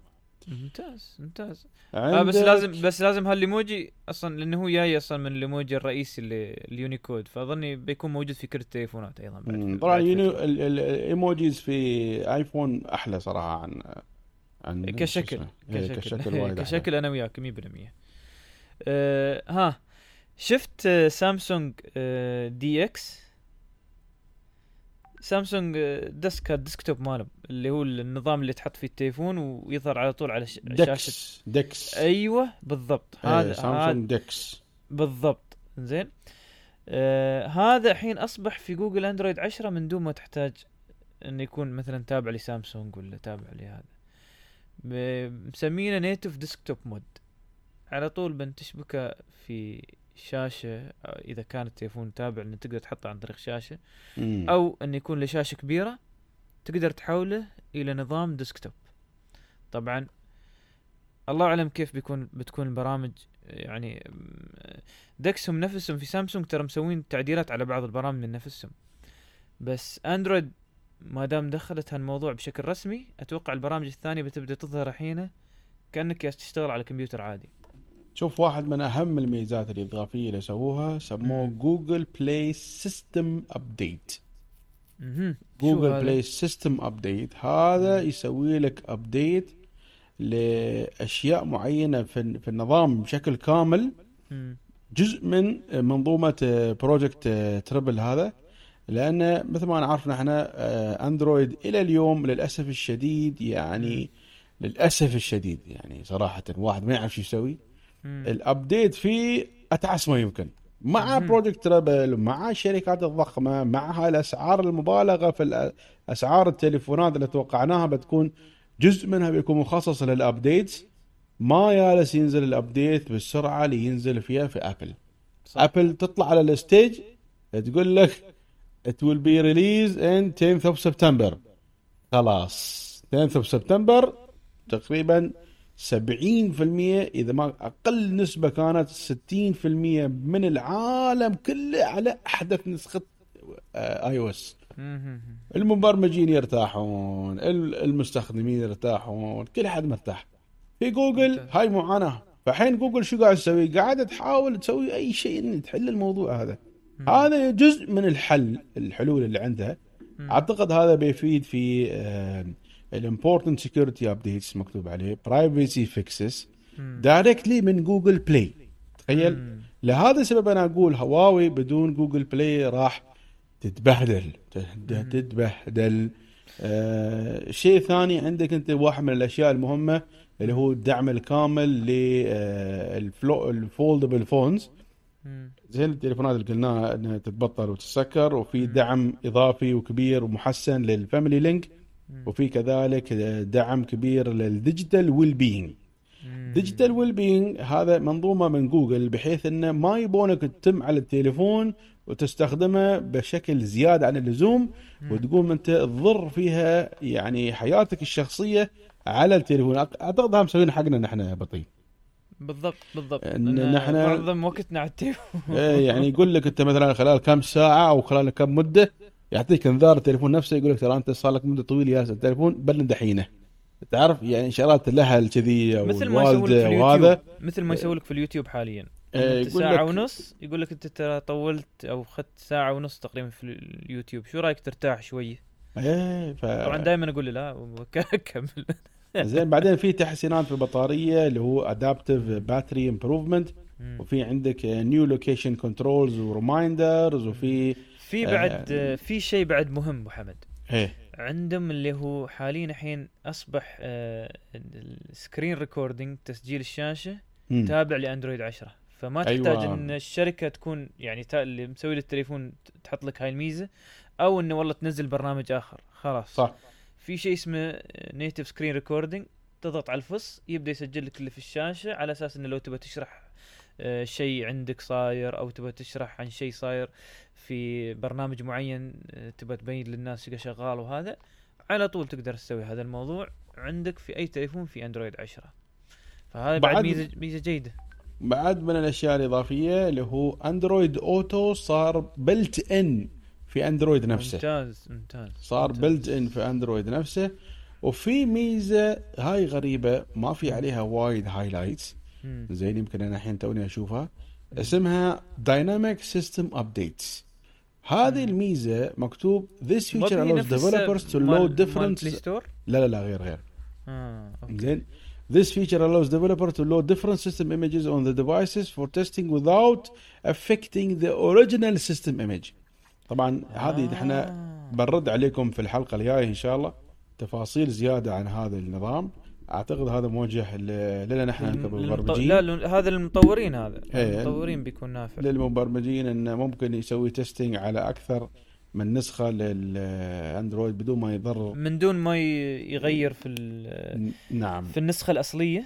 صح. وأظني من دون ما تحتاج إنك تشغل التليفون من أول وجديد إذا تبغى تغير على نسخة ثانية. إيه وبعدين آه، من الأشياء الإضافية اللي سووها لما تعمل share مثلا. لل link أو لتغريدة أو لفيديو أو ل file أو لأي شيء. قبل كان في ليتنسي كبير تأخير يعني ياخذ كبير ياخذ وقت طويل لما تظهر إيه الحين تم تحسين هذا الشيء وأعتقد خلوا يعني هذا الشيء كأنه من النظام. ي- يجيب لك المقترحين الناس اللي دائما تتطرش لهم بالإضافة إلى إن الأشياء الأساسية يجيب لك إياها صارت أسرع وأحسن في وفي تحسينات طبعا في نسخة الأنتربرايز صار في. provisioning للأجهزة أسرع وفي device admin يكون آه، أحسن وفي على فكرة شيء يسمونه themes اللي هي آه، طبعا أندرويد معروف بال themes لكن اللي الحين صار النظام نفسه شكله. يدعم themes آه حلو صار نظام نفسه حلو. منه فيه يدعم ذكرنا themes بأيام ال Windows يوم سوي أول ما نزل ال themes في Windows XP أوه تحيد أيام الغابة و... و... ال- ال- صورة صوت الحية وصوت اللي ما أدري شو. يا ريال الأيام صراحة. أهم شيء اسمع. ال narrator هذا المعفن في بعد ميزتين صراحة اشوفهم هاي هاي ميزة ذكية. شفت ال ال ال notification bar اللي فوق يوم تنزله وتظهر لك هاي الفصوص اللي هي الواي فاي والبلوتوث وما أدري كيف. إيه. يقول لك بينزلون آه، آه، بينزلون ميزة فيها إن هاي النوت- ال- الخط هذا أو هاي اللي تن- ال- ال- الشاشة اللي تنزلها من فوق على أساس تشوف هاي الفصوص تبدأ تتغير أماكنها على حسب استخدامك أنت للفصوص هاي. فمثلا نحن دائما مثلا أنا عندي مثلا فص ال- الش- ال Wi-Fi sharing إني أنا أسوي hotspot في الصفحة الثانية. ودائما على أساس أدخل أسحب وأنتقل للصفحة الثانية عشان أشغله. أندرويد 10 بيبدأ يتعلم إني أنا مثلا أب... دائما أستخدم ال- ال hotspot فبيحط لي اياه فوق. بيغير لي. ترتيبا على حسب هذا الموضوع. ومع ال Wi-Fi sharing أساس إن إحنا نت- نتكلم في موضوع ال Wi-Fi sharing آه، باكر بتبدأ بأندرويد 10 بتقدر إنك توزع ال- ال hotspot عندك ك password بشكل أسهل عن طريق QR code. فمثلا أنت عندك آه، data وارسال معين في مكان وحواليك محتاجين إن يكون عندهم data و... وما بعارفين ال password عندك و password عندك أنت شوي طويل أو ما بقادر تشرح لهم إياه. على طول راوهم ال QR code في البرنامج الواي فاي عندك وهم يشغلون الاندرويد هم لازم يكون عندهم بعد أندرويد 10 آه، يدخلون على الواي فاي ج- آه، صفحة الواي فاي ويشغلون الكاميرا ان يلقطون ال QR code وعلى طول يشبكون عندك في ال Wi-Fi hot لا أبوي يقول لي شو ال password وشو هاي ال- الحرف والحرف هذا لازم يكون كبير في بعض الباسوردات. لا أبوي خلاص. هذا الميزة آه. ترى موجودة في هواوي. ترى الحين إحنا كل الميزات هاي ترى موجودة معظمها في كل ها. التليفونات في بعض التليفونات موجودة. لكن الحين خلاص من يقول لك تليفون أندرويد 10 هاي الميزات على طول عندك انتهى الموضوع زين في أجمل ميزة مم. في أندرويد 10 أجمل ميزة في اعتقادي اللي هي موضوع ال privacy وال location sharing وال audio control وغيرها مم. وأخيرا جوجل نسخت ميزة أبل الرئيسية اللي هو استخدام الصلاحيات ال privacy مثل ال location ال audio الفيديو وما أدري شو مم. أثناء استخدام التطبيق فقط. يعني مثلا صح. ما من أول مرة بس يطلق يطلب منك خلاص يسكت عنك. يعني في تطبيقات آه يتم المايك شغال فيها بعد ما تطلع منها في تطبيقات ترم كل شوي تشوف وين مكانك آه بدون ما يعني تكون فاتح التطبيق نفسه. هو في نفس الوقت يمكن انت تبغى تستخدمه بس إيه. بعد ما تظهر من التطبيق ما تبغى انه يكمل بعد ال تشغيل ما المايك. يتابع إنت وين رايح وين جاي مو على كيفه إيه. ففي وايد تطبيقات ما تحترم هالخصوصية. فلذلك آه، هذا ال update وايد مهم آه، أتمنى إنه ينتشر مثل آه، النار في الهشيم أتمنى ذلك إن شاء الله جوجل تشوف له طريقة أو أخرى. ان ينتشر هذا الشيء لكن أنا أبشركم أن في يعني آه، على فكرة ال- ال- التحديث هذا متوفر الآن في هذه اللحظة متوفر ال update على مجموعة كبيرة من التليفونات من ضمنها Essential وهواوي Mate 20 و P 30 ونوكيا وفي مجموعة كبيرة من التليفونات اللي- راح. ينزل لها ال update في أسرع وقت ممكن مم. لكن Essential تخيل Essential هذا التليفون القديم إلى اليوم تخيل اليوم أول تليفون نزل عليه ال update Essential آه. أول تليفون في الدنيا نزل عليه ال update Essential قبل آه. البكسل. أها يبون ترى هم يمشون هذا ال Essential التليفون. على فكرة هذا التليفون نزل فترة من العام الماضي أو العام اللي قبله أظني. وما لقى صيت كثير بس في مجموعة من الناس خذوه وقاموا يستخدمونه كتليفون تجارب ل آه، إصدارات الأندرويد الجديدة. فالظاهر هم مهتمين الحين أكثر من هالناحية انه يخلون هالتليفون دائما ل آه، التجارب لأن أكثر الناس اللي يستخدمونه هم أصحاب تجارب التليفونات. لأن ما حد كان مهتم فيه الصراحة بيني وبينك محمد. والله. شوف هو أنا شفت التليفون هذا في إيدي. آه. أه حلو. شو على رايك فكرة فيه؟ أول تليفون في العالم في notch. في هاي ال ال- ال- ال- النقطة هذه للكاميرا. يسمونها النقطة. drop إيه، drop هذه. أو أول تليفون في العالم سوى هاي الفكرة صحيح. من 100%. هاك التليفون انتشرت السالفة وأبل سوت هال notch المعروف مالها القذلة إيه. على قولتهم. وكل التليفونات الثانية عرفت كيف أول تليفون فيه القذل بالضبط. إيه. وتليفون حجمه مناسب وجميل جدا. إذا تبغى تليفون قوي وصغير وايد صغير حجمه. زين؟ وفي مواصفات decent يعني وايد زينة. هذا التليفون أثبت فعلا جدارته وأنه هو update ماله بشكل كبير. أنا سمعت أنه بينزل له نسخة جديدة آه، في القريب العاجل إن شاء الله. متى تتوقع؟ أعتقد في 2020 أوه ويا إكسبو يعني. مع إكسبو. زين. الحين ما دام تكلمنا عن أندرويد 10 ومواصفاته. أول سؤال بيطرح في ذهن المستخدم متى. بينزل على تليفوني؟ مثل ما قال أبو حمد اللي إيه. عنده بيكسل آه، أظني خلال الأيام الجاية على طول بيحصله. بس التليفونات الثانية لا بيكسل اليوم حصل خلاص. حلو. إيه، يعني ترى- في ال group آه، نزلوا ال update ممتاز. آه، بس التليفونات الثانية النسخ اللي موجودة حاليا كلها اللي هي آم، مطورين وبيتا. بس النسخة اللي هي اللي تابعة للمستخدم العادي للتليفونات في آه، أخبار ظهرت لعدة تليفونات. فمثلا هواوي. هواوي آم، من آه، معظم تليفوناتها بينزل فيها الأندرويد 10 اللي هي من قبل آه، ثلاث سنوات. مثل Mate 10 بينزل فيه P 20 بينزل فيه Mate 20 وال Mate 20 X الأخير. Porsche Design Mate 10 و Mate 20 بعد بينزل فيه الهواوي P Smart اللي هو قبل ال P 20 اللي هو من ثلاث سنوات. فهاي معظم التليفونات بتنزل فيها. طبعا ما بينزل فيها بسرعة مثلا ال Mate 20 ولا ال Mate 30 بيتأخر شوي لأن تليفونات قديمة فيمكن على بداية السنة الجاية أو نهاية هاي السنة. آه عندك آه موتورولا الموتورولا G 7 وال X 4 وال One كله بينزل عليه. آه هذا الخبر الأخير ظاهر منهم. نوكيا آه تقريبا آه التليفونات القديمة ما في كلام عنها كثير بس التليفونات اللي هي الجديدة اللي هي من الفترة الماضية من سنة سنة ونص آه، خلال بداية نهاية 2019 وطالع بيكون فيها. وأول تليفون ينزل فيه هو النوكيا 9 بيور فيو. اللي هو بو خمس ست كاميرات من ورا هذا.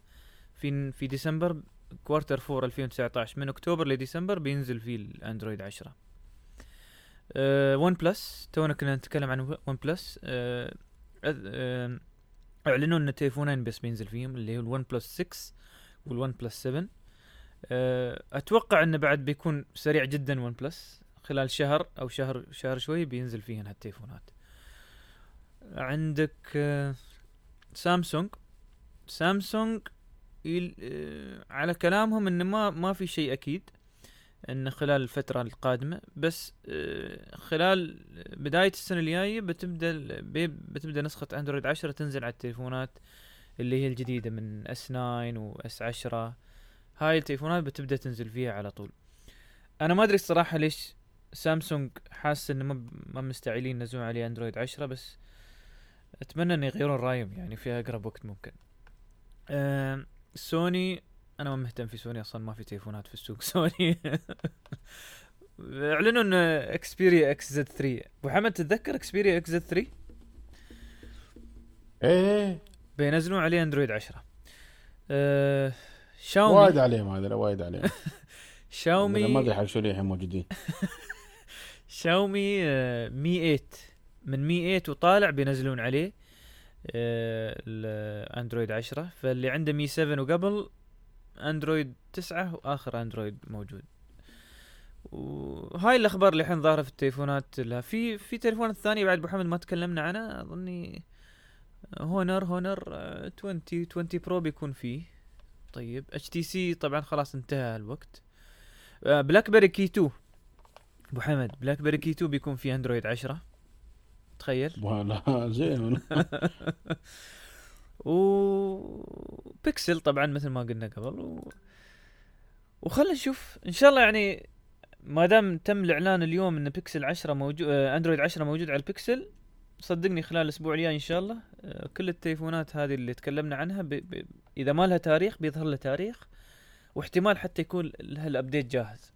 لأن أندرويد من أندرويد 9 وطالع أصلا آه، أصبح أسهل في التحديث عن قبل لهذا أنا مستغرب من كلام سامسونج إنهم ما مهتمين وايد حاليا في الأندرويد أندرويد 10 مع إنه هو أصبح أسهل عن قبل بس دام إحنا نتكلم عن أندرويد وأندرويد مم. وأندرويد ها بس نحب نخبر الناس إن أندرويد أوتو صار له التحديث الكبير مم. اللي كنا كنا نترياه آه، آه، بطي تحدثنا أنت عن أندرويد أوتو دام عندك آه، استخدامه الفترة الأخيرة زين قبل لا ننتقل في في تليفونات ثانية عندك أنت تبى تتكلم عنها في أندرويد 10 لا ولا لا لا خلاص.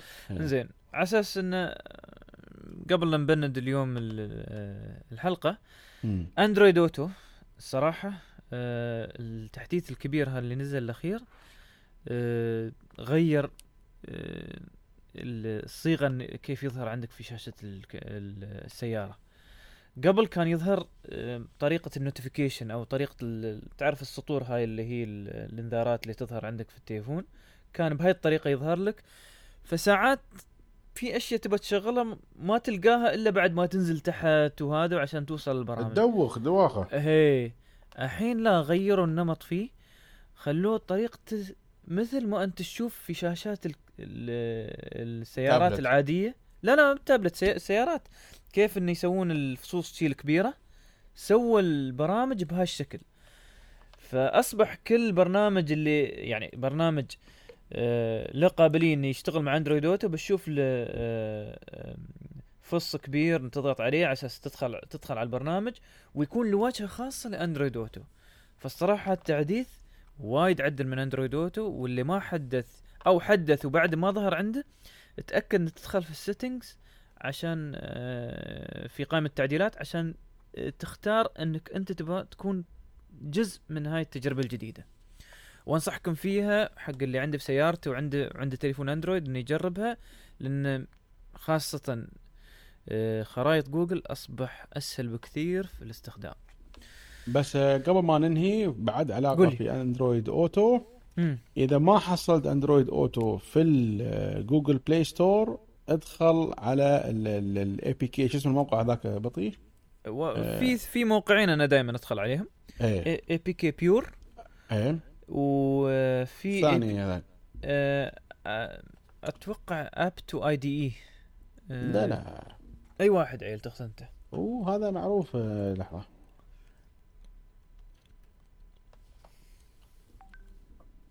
خلنا نشوف. هو اي بي كي Mirror اي بي كي ميرور أيوه اي بي كي إيه. بيور اي بي كي ميرور أوكي. أنا صراحة ميرور من زمان ما استخدمته. أنا استخدم APK Pure لأكثر آه، برامجي بس، AP آه، K Mirror APK آه، آه، شو اسمه Mirror هذا هذا تابع ل Android Police على فكرة.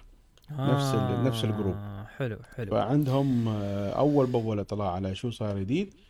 تدخل على هذا APK Mirror بس لازم. تنتبه لأنه وايد في إعلانات زيادة عن اللزوم. أه تنزل آخر نسخة منه. مم. مم. أه فيها الشكل الجديد وفيها ال- آه، ال design الجديد وإن شاء الله حلو. يكون متوفر عندكم. أه كلكم. وشاكرين لكم صراحة.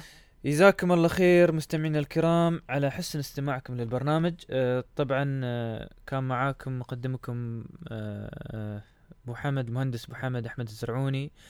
وأيضا معاه آه، بطي بوشليبي آه، مقدمكم آه، في مقدمينكم في برنامج المجلس التقني. وإن شاء الله نعاود تواجدنا معاكم في خلال الأسبوع القادم. واللي حاب يسمع الحلقات السابقة من برنامج المجلس التقني يدخل على SoundCloud ويكتب المجلس التقني وبيحصل كل الحلقات إن شاء الله.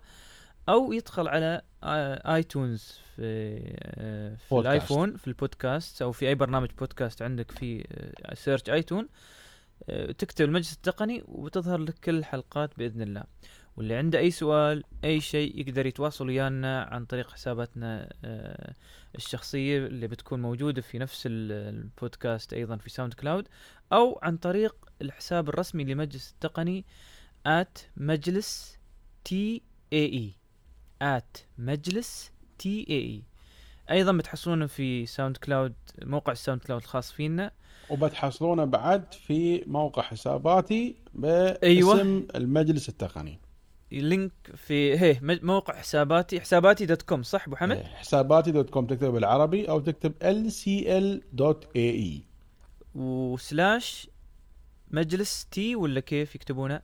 بس يدشون هناك بيشوفونه تحت موجود في الصفحة الرئيسية. ممتاز ممتاز. جزاك الله خير يا أبو حمد. نعم. خدمة جميلة جدا من عندك. وجزاكم الله خير مرة ثانية. مستمعي الكرام أحسن استماعكم. وإن شاء الله نتلاقى نتلاقى معكم في الأسبوع القادم. ومعاكم مقدمكم أحمد بطي. والسلام عليكم ورحمة الله وبركاته.